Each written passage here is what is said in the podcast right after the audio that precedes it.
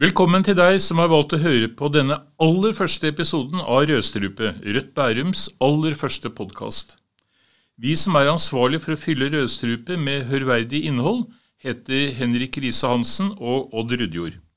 Vi sikter mot å gi ut nye episoder flere ganger hver måned fram til årets lokalvalg, som alle vet er mandag den 11. september.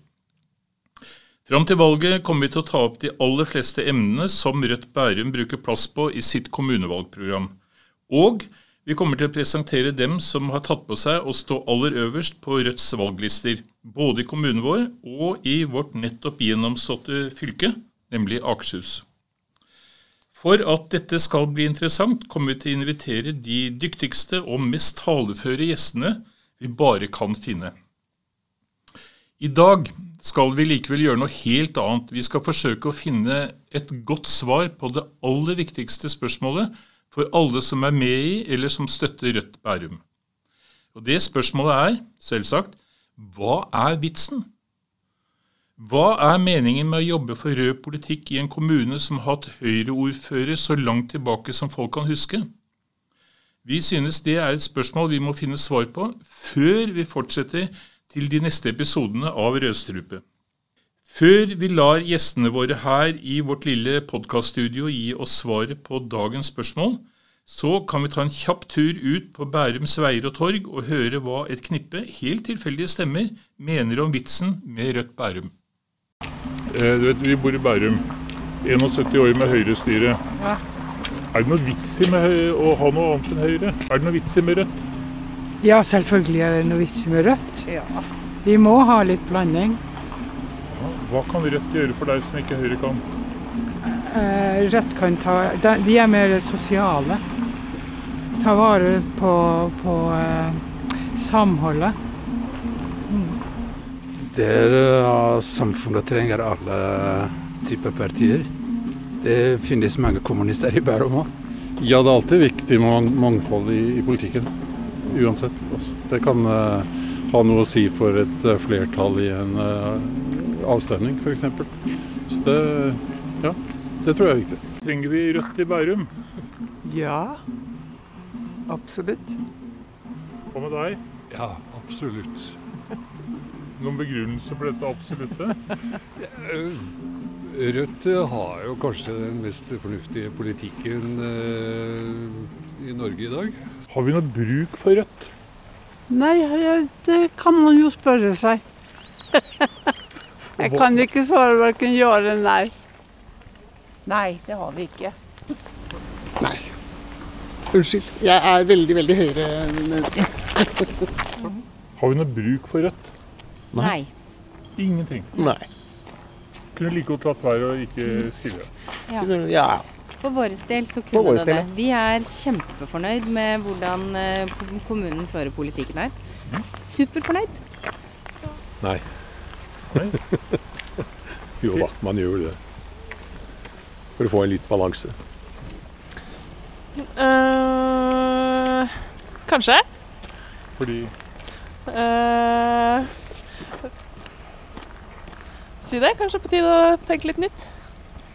Da vil jeg si umiddelbart, eller ubetinget ja til det. Og Grunnen til at du sier det, er at I Rødt så er det mer dette, Mitt inntrykk er at det er mye folk med, med litt hue, litt mellom øra.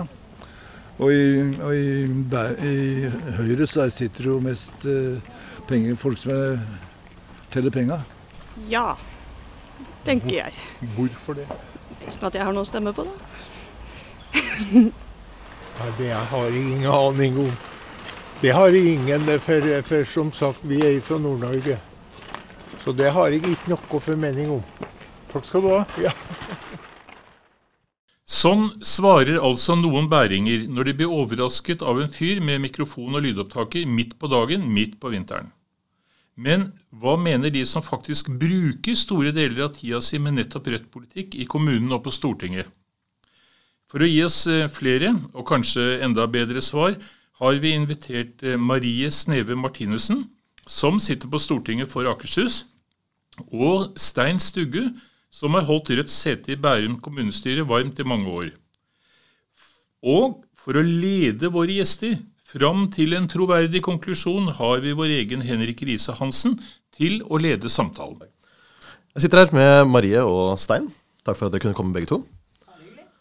Eh, vi tenker å starte litt eh, enkelt. Eh, altså, nå har vi hørt hvorfor eh, det er noe poeng i det hele tatt. Men eh, hvordan skiller vi oss ut i kommunepolitikken? Vil du si, Stein? Jeg oppfatter at uh, Rødt uh, her har den funksjonen at uh, vi kan trekke fram veldig viktige spørsmål rundt folks levekår, bolig, innretting på hva kommunen driver med. Og vi kan bidra til å styrke fagforeninger, andre organisasjoner som jobber med disse spørsmålene, og få det inn i, i politikk selv i en kommune som Bærum. Og, og, og, det er kanskje også vår viktigste funksjon. Og så vil det en og annen gang være sånn at vi også får gjennomslag for uh, forslag, men uh, så lenge de borgerlige partiene til og med har en politisk samarbeidsavtale, så vil de stort sett stemme imot det vi foreslår. Uh, det gjelder all opposisjon i Bærum. sånn at det å bidra til å styrke fagbevegelsen f.eks. oppfatter jeg som en sånn hovedjobb for oss, og det bruker vi også veldig mye tid på. Altså løfte de perspektivene inn, også politisk. Og nå, nå, er vi slik at vi har hatt én eh, delegat i kommunestyret. I, i, i i hvor lang, lang, tid er vi har hatt det? Ja, det, Historisk Historisk er det sånn at uh, Rødt uh, har sittet i kommunestyret nå i to perioder. Vi var ute fire år før det, og så var vi inne fire år før det. Sånn at vi har stort sett hatt én fra Rødt eller Rød valgallianse siden uh, 83, men vært ute et par ganger. Nå tror jeg muligheten er til stede for å få både to og tre. Siste valgresultat ved stortingsvalg til og med hadde gitt oss to. Og selv i Bærum så er opposisjonen viktig. Også. Selv i Bærum så finnes det veldig mange ting som bør trekkes fram, og som av og til også resulterer i endring av politikk. Mm. Og Eh, når vi da bare har hatt én delegat, det er også litt sånn som vi har hatt på Stortinget, med først én og så nå fire. Eh, åtte, jeg beklager, det er jeg som bommer helt. Eh, men eh, hvordan måte, er den eh, prosessen med å måte, Får man noe gjennomslag når man er så få, i forhold til den store helheten? Det er klart man gjør det. Det er jo mange måter på, og makt, politisk makt er også mange forskjellige ting. Både her i Bærum, i eh, andre kommuner i landet og på Stortinget, så har Rødt fått gjennomslag, selv om vi eh, ikke er en del av flertallet. Noen ganger så er det jo noen som må på en måte mm, rope opp om den folkelige fornuft eh, og foreslå det som faktisk det er flertall for i befolkninga, men som, som, kanskje styrende partier ikke ønsker at skal bli snakka om. Men blir det stort nok press, så, så, får man også gjennomslag for det. Og det har vi fått til eh, både på Stortinget og her i Bærum og i mange andre kommuner. Og Hvordan føler du det har vært å være alene sånn sett? Nei, altså, Jeg har vært alene fordi jeg har vært én, men vi har jo aldri vært alene. Vi har alltid hatt en gruppe som har jobbet med dette. her, og Vi jobber jo hele tiden med også kontakt med folk som, eh, som, som jobber hardt eh, i Bærum. Det finnes et vell av organisasjoner som kanskje er spesielt opptatt av utvikling av Bærum som kommune.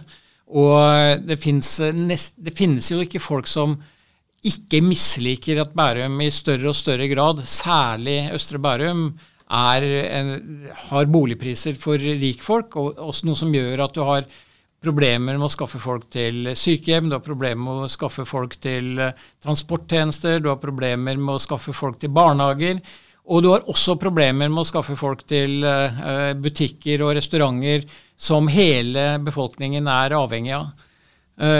Så har du så, sånn at det er, eh, er, nyttig arbeid. Og det er jo også sånn at motstanden mot f.eks. Eh, hvordan Bekkestua er bygd ut, med eh, svindyre leiligheter, eh, og eh, det blir jo kalt Blokkestua, ikke Bekkestua.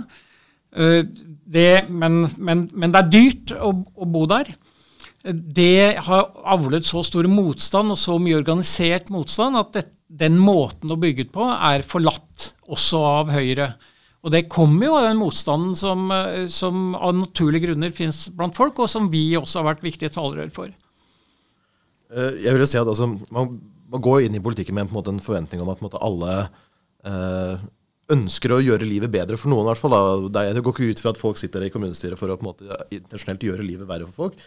Eh, og, og, da er liksom sånn der, hvordan, måte, hvordan har vår politikk noe direkte å si for det? For, for hvordan folk eh, føler at det er å bo i kommunen? Eller uh, i landet vårt på større basis? Jeg tenker at Det er ingen som går inn i politikken for å gjøre livet verre for folk. Men folk går inn i politikken med helt ulike perspektiver på virkeligheten. Og ikke minst så lytter man til helt ulike folk.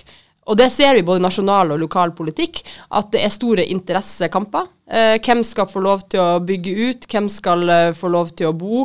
Eh, hvor høy lønn skal eh, folk i kommunen ha? Hvor høy skal sosialstønaden være for dem som er fattige? Dette er spørsmål som handler om interessene til ulike grupper. Og eh, jeg, har ikke noen grunn til å mene at verken Høyre-folk eller Frp-folk er liksom ondskapsfulle mennesker, men de lytter jo til interessene til en spesifikk gruppe av samfunnet eh, dem som er rike, de som er mektige. Og Rødt finnes for å lytte til interessene til en helt annen gruppe av samfunnet. Og også i Bærum så finnes det folk som er fattige.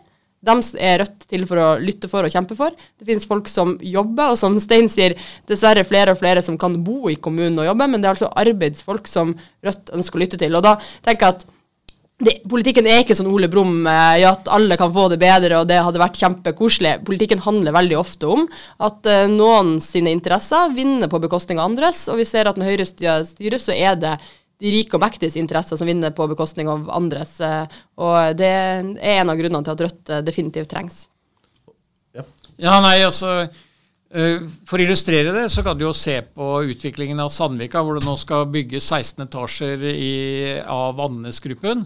Eh, hvor eh, ryktene sa at de egentlig hadde trodd at man skulle få lov til å bygge 13. Eh, planla for 19, forhandlet seg fram til 16, og visstnok spratt champagnen når de fikk lov til å bygge disse tre etasjene som på en måte ikke var nødvendig. Og det gir enorme gevinster til de som bygger ut, og de som var grunneiere, som burde vært brukt til rimelige boliger for folk som faktisk har vanlige lønninger også i Bærum. Og det kunne vært gjort. Og det perspektivet har det vært viktig å få fram. Og det er ikke mer revolusjonært enn at dette er i tråd med den boligpolitikk Høyre også sto for, for fram til eh, midten av 70-tallet.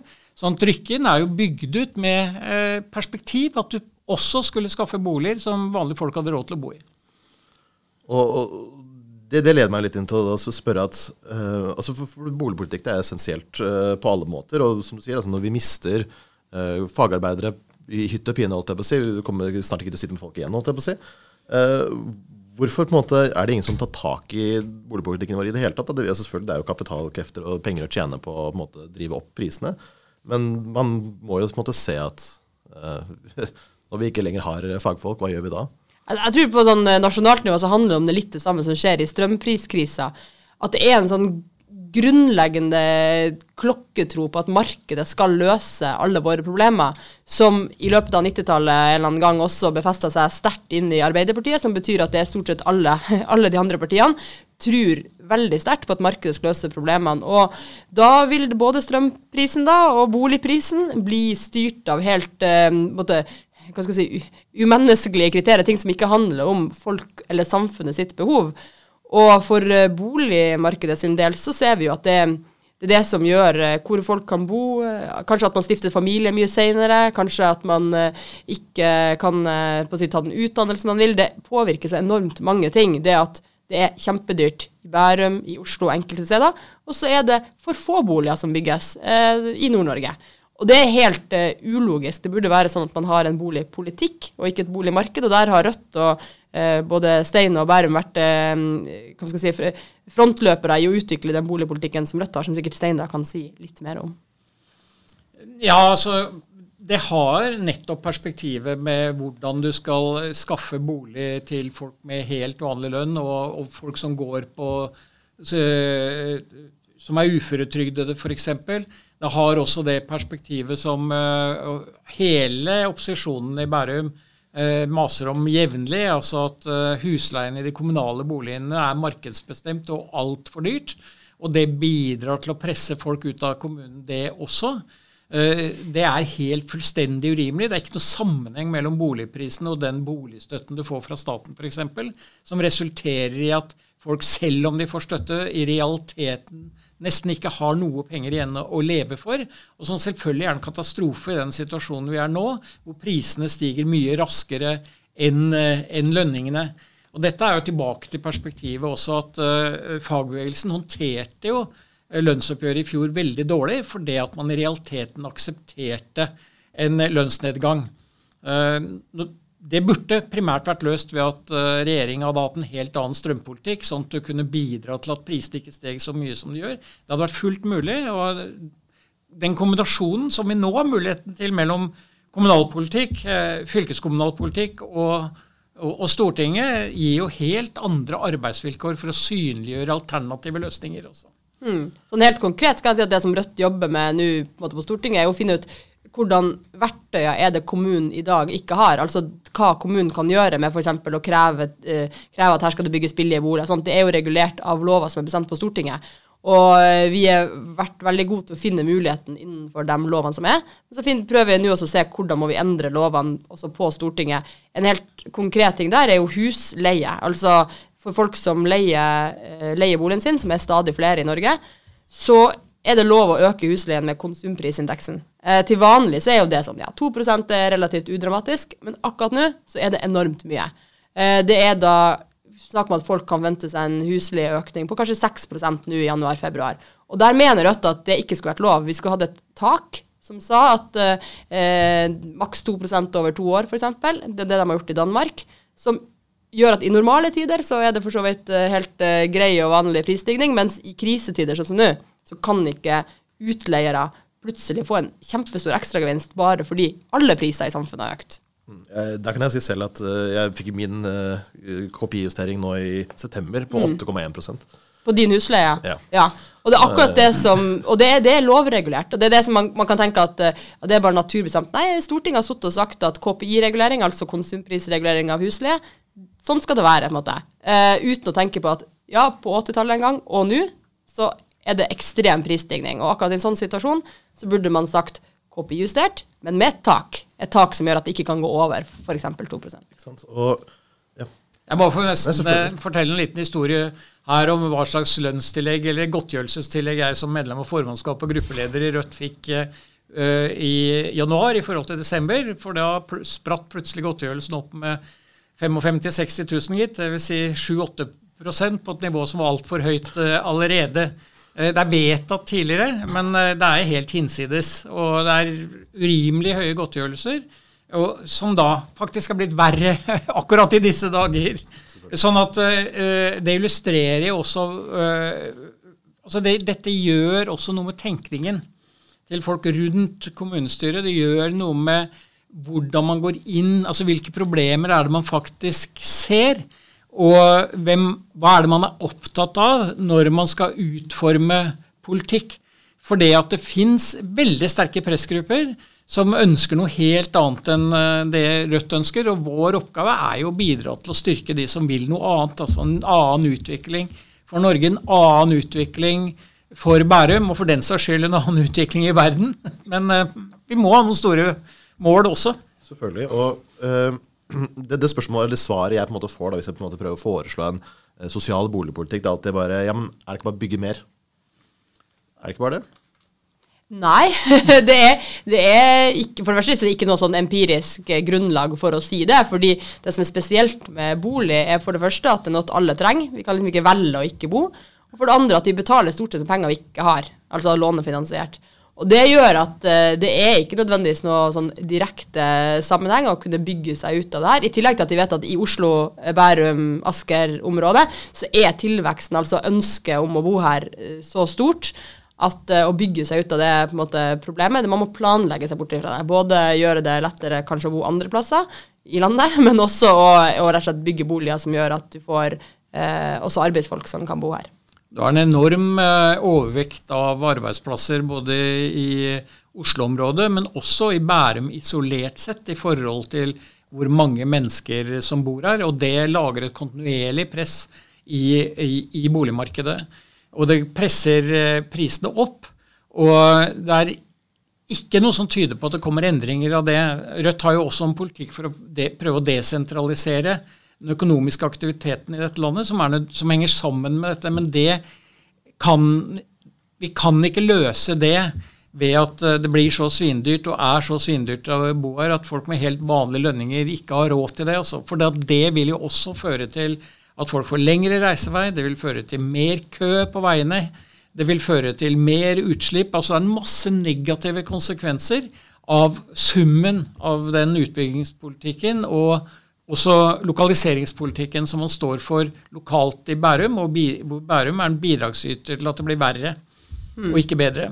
Jeg var en gang på sånn streikemarkering for eh, hotellene de streika for, eh, for, en del år siden. og Da var det på et av de største hotellene midt i Oslo sentrum og snakka med de eh, stort sett kvinnelige renholdsarbeiderne og, og hotellarbeiderne som var der.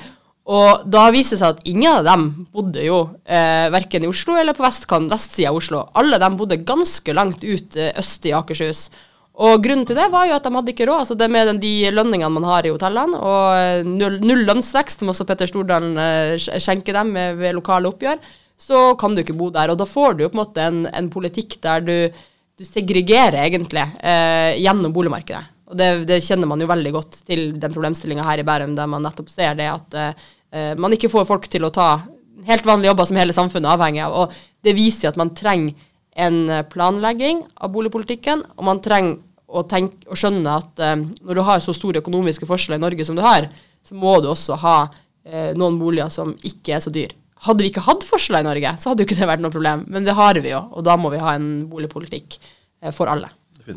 Snakker med fagforeninger i Bærum, så snakker alle om at uh, det er veldig stor gjennomtrekk av folk, som skyldes uh, også at folk ikke bor her. Og hvis de da klarer å få seg en jobb nærmere der de bor, så vil de flytte videre arbeidsplassmessig. For det at de lange reiseveiene som folk med eh, lave og midlertidige lønninger ofte får, gjør jo at de utvider arbeidsdagen også. Altså Du får en mye lengre arbeidstid reelt sett, altså en bundet tid, eh, enn hvis du kan jobbe i nærheten av, eh, av, av der du bor. Og dette utløser problem på problem på problem som eh, man ikke har vilje til å løse, og kanskje til en viss grad heller ikke redskaper til, for det at lovverket er sånn nå at du ikke kan stille krav til utbyggere, krav som er helt vanlig å stille i land som Danmark, Nederland, eh, Tyskland, til og med i England, eh, på at man også må bygge rimelige boliger med kontrollerte priser hvis man, hvis man bygger. Så det er ikke mer revolusjonært enn at du kan gå over grensa og finne tiltak som ville betydd enorm endring. Og du trenger ikke å gå lenger tilbake i historien enn til uh, enn noen tiår før man hadde i hvert fall noen få grep for å gjøre noe med dette i, i Bærum også. Uh, foreldrene mine bodde forresten på sine eldre dager i et borettslag hvor det kosta under en million å få en borett. Eh, på Stabekk. Ikke noe problemer med penger under bordet. Helt uproblematisk. Det er rundt 20% av markedspris for tilsvarende bolig på Stabekk i dag. altså Dette er små leiligheter på 55 kvadrat. Bare For å være litt, sånn, litt optimistisk, da, så er jo noe av, det, noe av det som er bra med den veksten som Rødt har hatt i det siste, der vi både er representert i stadig flere kommuner, men nå også en ganske stor kraft på Stortinget, og forventer også i lokalvalget og da styrke oss eh, i mange kommuner, er jo at vi nå både har en sammenheng i politikken Rødt kan føre. Eh, de utfordringene som man da har sett når man jobber med boligpolitikk her i Bærum, de begrensningene man har på, ja, i lovverket. Eh, før så var det liksom ingen, eh, ingen, på Stortinget som kunne ta det videre. Nå er det veldig mange. Vi har til og med egen representant i den komiteen på Stortinget som jobber med det, som er kommunalkomiteen. Som betyr at vi, vi har en helt annen mulighet til å både ta problemet helt ifra ja, Sandvika konkret eller Bekkestua konkret, og liksom hele veien til eh, å prøve å endre lovene. Og det er veldig viktig, fordi sånne diskusjoner om boligpolitikk og store lover kan ofte bli veldig abstrakt. Men det er jo egentlig nå i lokalvalgkampen at vi kommer til de konkrete eksemplene der vi ser helt konkret i kommunene hvordan eh, både det er gjengsleie, da, altså markedsleie i kommunale boliger, hvordan man ikke får bygd eh, de boligene de faktisk trenger, hvordan eh, politikken ikke er for Eh, som slagord, Et av slagordene i valgkampen vår kommer til å være eh, vi vil ha en politikk for innbyggere, ikke utbyggere. Og det har vi nå en helt annen mulighet til å, ja, til å løfte hele veien, også nasjonalt. Det er et veldig godt slagord som jeg tror vi skal bruke i Bærum også. For det at Bærums politikk er til de grader for utbyggere, ikke innbyggere. Hvis du snakker om de store utbyggingsområdene, som er Fornebu, Lysaker, langs E18 mot Høvik, Sandvika, hvor utbyggere har fått altfor fritt spillerom og spissformulert får lov til å gjøre omtrent hva de vil, og som verken de som bor i Bærum i dag, eller de som kommer til Bærum, på sikt kommer til å være tjent med. Eh, sånn at eh, når det gjelder den delen av innretninga, så, så altså det trengs et helt annet perspektiv på hva som er poenget med å bygge ut. Og det er ikke tilfeldig at når man begynte planleggingen av Fornebu etter at flyplassen forsvant, så var målsetning til Bærum uh, at uh, inntekten der skulle være 120% av gjennomsnittsinntektene i Oslo. Dvs. Si at man trekker folk med god råd, og det er, en, det er, en, politikk for å trekke folk med god råd til Bærum. Dette er faktisk også et problem for Oslo, for de fleste som flytter til Fornebu i dag, kommer jo fra Oslo. Sånn at det svekker jo på en måte skattegrunnlaget sånn som systemet er i dag, for hva man får av inntekter i Oslo. Merkelig nok så er dette et perspektiv som byrådet i Oslo, og for den saks skyld Rødt i Oslo, ikke har løftet i særlig grad. De burde gjøre det, altså. Altså, sånn som du sier med frislupne utbygger. Altså sånn der, jeg vet jo at uh, I min gate så har jo utbygger nå begynt å kjøpe opp alle husene på rekke. Var klare for å rive alle sammen, kaste ut alle som da leier der, og så bygge høyblokker. Så det ble heldigvis uh, snudd i kommunen. Men det er jo ikke uh, også sånn, han, De endte jo med å sende ut rundt trusselbrev altså til diverse huseiere i området for å prøve å presse dem ut av markedet. Og det, det er jo sånn, jeg, jeg, fatter ikke hvordan måte, man godtar et sånn ekstremt frislipp. da er det ikke mulig å designere områder, eller i hvert fall være litt uh, Jo, det er Ikke. Ikke være slemme om det, holdt jeg på å si. Det er mulig å lage bebyggelsesplaner og så si til utbygger at du bygger sånn som vi vil hvis du, skal, eh, hvis du skal bygge. Og Det går an å lage de planene sammen med de som bor i et område. Men i den gata hvor du bor, så var det jo også en haug med uh, skilt med 'ikke til salgs'. Mm. sånn det er jo et eksempel på at de som bodde der, nådde fram med å stanse planer som var veldig dårlige og som i stor grad var basert bare på grunneiers uh, interesser. Og det, det, illustrerer på en måte mangel på plan. Uh, det som utbyggerne ofte gjør da, er jo også å prøve å kjøpe opp uh, de boligene og tomtene som, som, de som eier, ikke orker å slåss videre med dem om. Sånn at de får da eierskap til f.eks. halvparten av boligene i området. Du bruker dem da som utleieboliger, veldig ofte med konsekvens at eh, de forfaller. Og håper at du skal kunne presse fram en ny utbyggingspolitikk for det området om kanskje 5 eller 10-15-20 år. Sånn at du har et perspektiv på strategiske oppkjøp. Du gjør avtaler med de som selger, om at de får en viss sum nå. Og så deler man kanskje gevinsten hvis man får uh, solgt Eh, får lov til å bygge mer og gjør en avtale om at da går 50 til utbygger og 50% til det som er, til det som er eier. Sånn at, eh, sånn at det er uh, veldig mange sånne mekanismer som bidrar til å øke presset for utbygging. Men du avler også motstand, som da gjør at i de områdene som man ikke skal bygge ut veldig mye på i Bærum, så prøver man å stanse bortimot all utbygging. Og det er for, veldig forståelig at man ønsker det eh, når man ser hva som kommer hvis man tillater utbygging. For da får vi noe vi ikke har bruk for.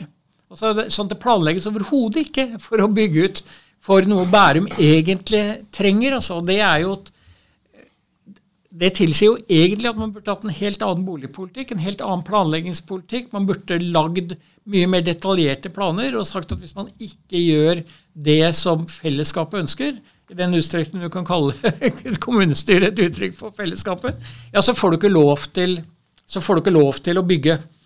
Men det krever også at stat og kommune er mye mer aktive oppkjøpere. Du må bruke, altså du må bruke de verktøyene som skal til for å få dette til å fungere. Både å styrke Husbankens rolle, sånn som det faktisk var den gangen jeg i sin tid fikk lov å bygge på Stavik. Og, øh, og, du, og du må i tillegg tørre å, å gjøre inngrep i forhold til eh, grunneiere som resulterer i noe bra. Eh, ikke tilfeldige inngrep, sånn som man prøver seg på nå, som ikke har noen konsekvens eh, annet enn at eh, En for så vidt at du kan stoppe deler av utbyggingen, men du får ikke til de boligene som, eh, som, som vi egentlig trenger. men samtidig har jeg at når det er sagt, så er det sånn at i de svære områdene som skal bygges ut, altså Fornebu, Sandvika eh, med mer, så er det enormt potensial for oss å bygge boliger med lav pris for vanlige folk også, eh, som en del av det man tillater å bygge ut. sånn at det er ikke mangelen på utbygging som er problemet i Bærum, det er viljen til å få til en endring i, som gjør det mulig for mye flere å, å bo her. Nå vet vi alle problemene med en akselerasjonistteori, men det virker jo litt som at det er litt i nesten vår favør også at uh, disse utbyggerne driver med så aggressiv ekspansjon, holdt jeg på å si. Uh, at Høyre på en måte tillater uh, dette å skje, for det skaper jo verre kår. holdt jeg på å si, Det virker jo nesten som at det snur vinden litt i vår favør på en måte også. Ikke for å lene meg helt inn i den akselerasjonismen, men Nei, det er jo en, sånn, en, en, en, trøst, i alle fall, kan vi si det sånn, da, selv om det kanskje ikke er et håp. Men sånn, sånn er det jo eh, når man ser at politikken ikke funker for folk, så er det klart flere eh, som ønsker en annen politikk. Men eh, det er jo da Helt, da, da, spørs det jo veldig sånn om man får til forandring, da, eller man bare får veldig mange flere som er sint, men ikke nok, nok folk til at man stopper det. Men det, det som du nevnte med i gata di, da, så viser jo et eksempel om at det er jo mulig. Det jeg prøvde å si først om det med makt, måte, at det ikke er bare det OK, Rødt har igjen i kommunestyret, da, da, da, har man ikke flertall, da har man ikke makt. Men man har jo det gjennom bl.a. sånne beboeraksjoner, og det er jo veldig mange eksempler faktisk i Norge på at spesielt ting som handler om uh, utbygging, nedbygging av natur, uh, ting som på en måte ødelegger et geografisk område, det kan få ganske stor protest mot seg, fordi folk er, glad i områdene der de bor, eller glad i områdene der de går på tur. Og det er et sånt, eh, i hvert fall både et håp og en trøst at eh, folk eh, reiser seg da når man føler at det er noe som ikke er riktig, og at eh, kommunen åpenbart kan da stoppe sånne utbyggingsprosjekter. Så må man jo veldig raskt da prøve å peke videre på hvordan liksom systemendringer som gjøres, altså type planlegge annerledes for de områdene, eller, eller eh, stille andre krav til utbyggere, sånn at man ikke må ta den kampen liksom om og om igjen da, hvert eneste år, og til slutt så er man sliten, og så klarer man ikke mer. Det finnes jo nesten ikke folk i Bærum som er fornøyd med konsekvensen av den boligpolitikken Bærum uh, fører. Uh, sånn at uh, når jeg snakker med naboer som har flytta inn på Stabekk, som nødvendigvis må ha relativt god råd, ellers hadde de ikke hatt råd til å kjøpe der, så er de allikevel ikke fornøyd med så, sånn sammensetningen av befolkningen i dette området. For det at det er for mange som dem. Masse hyggelige, hyggelige folk, men uh, mangfoldet er fullstendig fraværende. Og det har som konsekvens, at, som vi har nevnt flere ganger, at, at du må hente folk som gjør det daglige arbeidet alle er avhengig av, utenfra isteden. Men uh, bare for å illustrere hvordan vi jobber, så skal jo jeg på et møte med Rødt på Stortinget om boligpolitikk i neste uke. Og i et forsøk på å gå videre med å utvikle en boligpolitikk som uh, også gir de redskapene som uh, man har tjent med, og som også kan utfordre enda bedre enn det vi har klart foreløpig. Høyresida også i Bærum på at disse redskapene må vi, må vi, kunne bruke, og vi må få dem på plass. Og du må ha vilje til å bruke det. Og inntil det er på plass, så, så har Rødt vært mot utbygginga sånn som det skjer i områder som Fornebu og Sandvika, fordi man bygger for, for feil folk. Altså. Men jeg lurer på jeg skulle si litt også om en helt annen sak, som, som illustrerer hva vi kan få til. Altså, Vi har jo aktivister i Rødt som har jobbet veldig mye med å, å, å åpne kyst igjen for allmennheten. Det er veldig mange stengsler eh, i Bærum i forhold til at eh, allmennheten kan gå langs hele kysten. Og det jobba veldig systematisk sammen med eh, folk fra andre kommuner, f.eks. Eh, Færder, eh, for å eh, bruke og få fram de interessene og hvordan man har jobbet der i forhold til å tilgjengeliggjøre kysten for alle. Skal du gjøre det, så må du utfordre også de private grunneierne som bor på områder som Høvik, eh, Snarøya, eh, Blommenholm. Og eh, det er nå ansatt en ny person i kommunen for å forsterke dette arbeidet fra kommunens side også, som helt åpenbart er et resultat av det arbeidet som Rødt har drevet med. Man kunne jo da til og med ha fått en film på NRK hvor Marie Vassa for å prøve å komme rundt en sånn stengsel i sommer, men NRK valgte å ikke vise den, dessverre.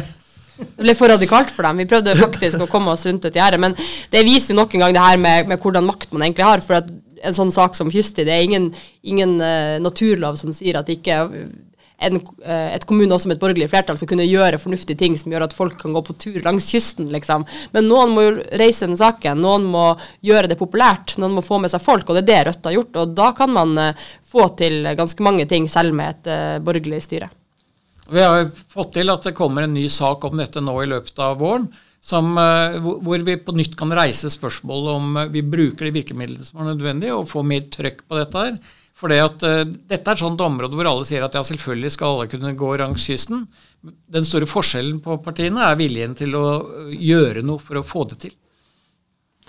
Og da, da, da, kan jeg spørre, for Det er jo flere partier som har jobbet med dette her, flere partier som nå ser på boligpolitikk. Men hvorfor er på en måte vi et alternativ i Rødt? Hva er som, måte, når det kommer til, uh, Hvorfor ikke på en måte ende opp i Arbeiderpartiet? Det er jo fagforeninger, det er, uh, de har boligpolitikk de også, si. De er for kyststien, samme som oss. Måte, hvor, hvorfor ender vi opp med å ønske å være i, Rødt, da? Altså, jeg tror mange for, for tida syns at at Arbeiderpartiet, for så vidt Senterpartiet også, som kanskje ikke er sterk her, men som er det andre plasser, de har jo vist seg ganske sånn uh, handlingslamma i regjering, da, og at det er mange gode kanskje ønsker, men lite vilje til å gjennomføre det konkret, og også til å kanskje ta i så mye som det trengs, da, gitt at det er nok en gang ikke sånn Ole Brumm-situasjon, da, men du må tråkke noen litt på tærne da, for å kunne sikre rettigheter for mange. Og jeg tror det er derfor mange ender opp i Rødt, fordi man nettopp ser det, og at man da tenker at da er Rødt en, en sterkere eh, en sterkere både representant og en sterkere vilje for de forandringene man ønsker seg. Og eh, det vi ser vi også på, en måte, på meningsmålingene. Arbeiderpartiet er et parti som, som, faller ganske mye, og Rødt er et parti som vokser ganske mye. Jeg tror det handler om nettopp det både i kommunemålingene. Vi ser jo de siste meningsmålingene, så ligger jo Rødt an til å gjøre da et historisk godt uh, kommunevalg. Uh, og stortingsmålingene viser egentlig akkurat det samme.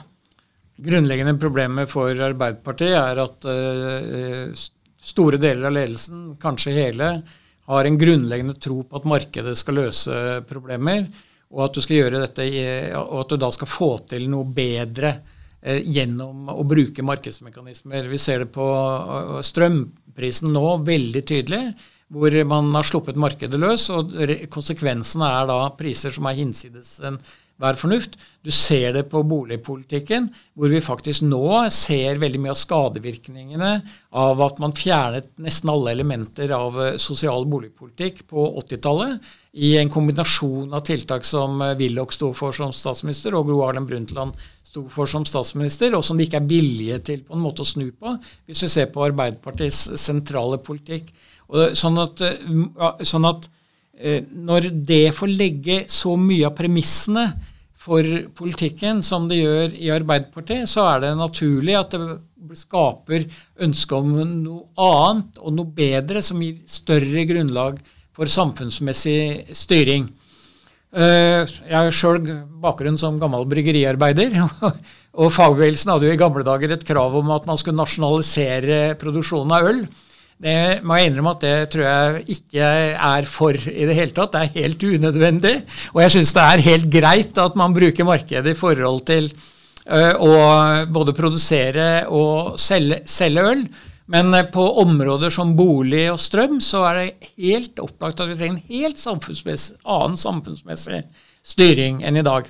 Når det er sagt, så må det jo også sies at den gamle arbeidsplass Ringnes tjener altfor mye penger og burde og man burde se på alle de enorme summene som sopes inn av de aktørene som er størst på dette området. Altså. Det er altfor mye penger. Burde vært brukt til lavere priser og burde gjort uh, varene mye mer tilgjengelig, også med vanlige lønninger. Liksom. Øl til folket, altså. eller brus til folket. Eller lave priser i dagligvare, da, for å være med. Gjøre det mer allment. For det er jo noen som henter enorme penger på det, det prisnivået vi har i dag. Uh, vi begynner å gå litt inn for landing, og da ønsker jeg egentlig bare spørre dere uh, hvorfor stemmer dere Rødt? holdt Jeg på å si. Nå er jo så, jeg tenker det er på en måte, Hvis vi først er inne på det uh, Anne, Anna hadde jo tatt seg, tatt seg ut.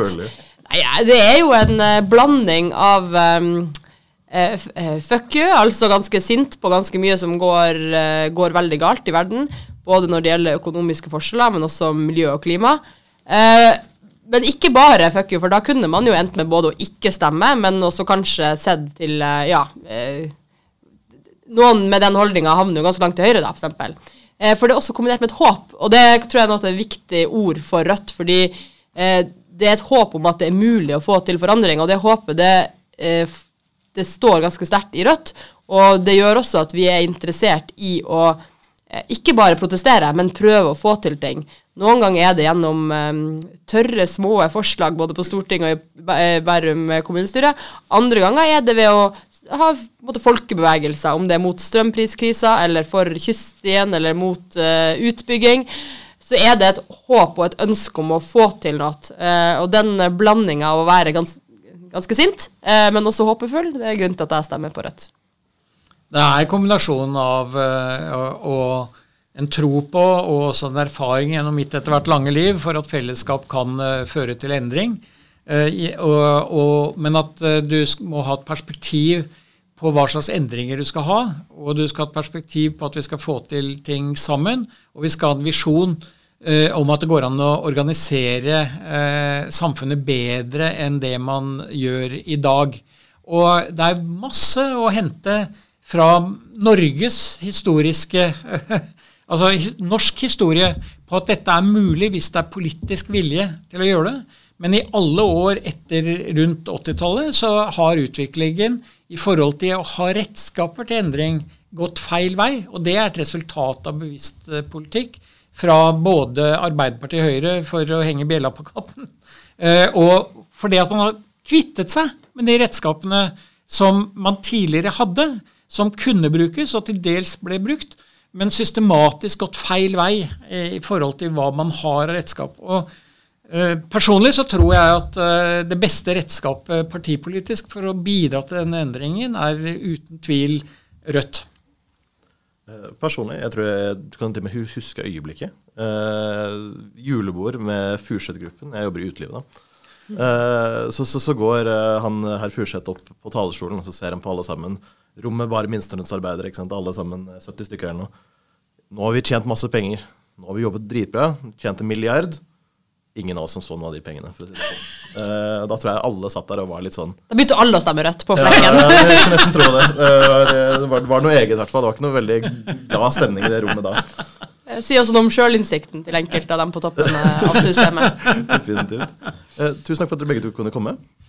Dette skal vi takke for, ut, at vi da forhåpentligvis får i gang en serie med gode podkaster framover. Det krysser fingrene for.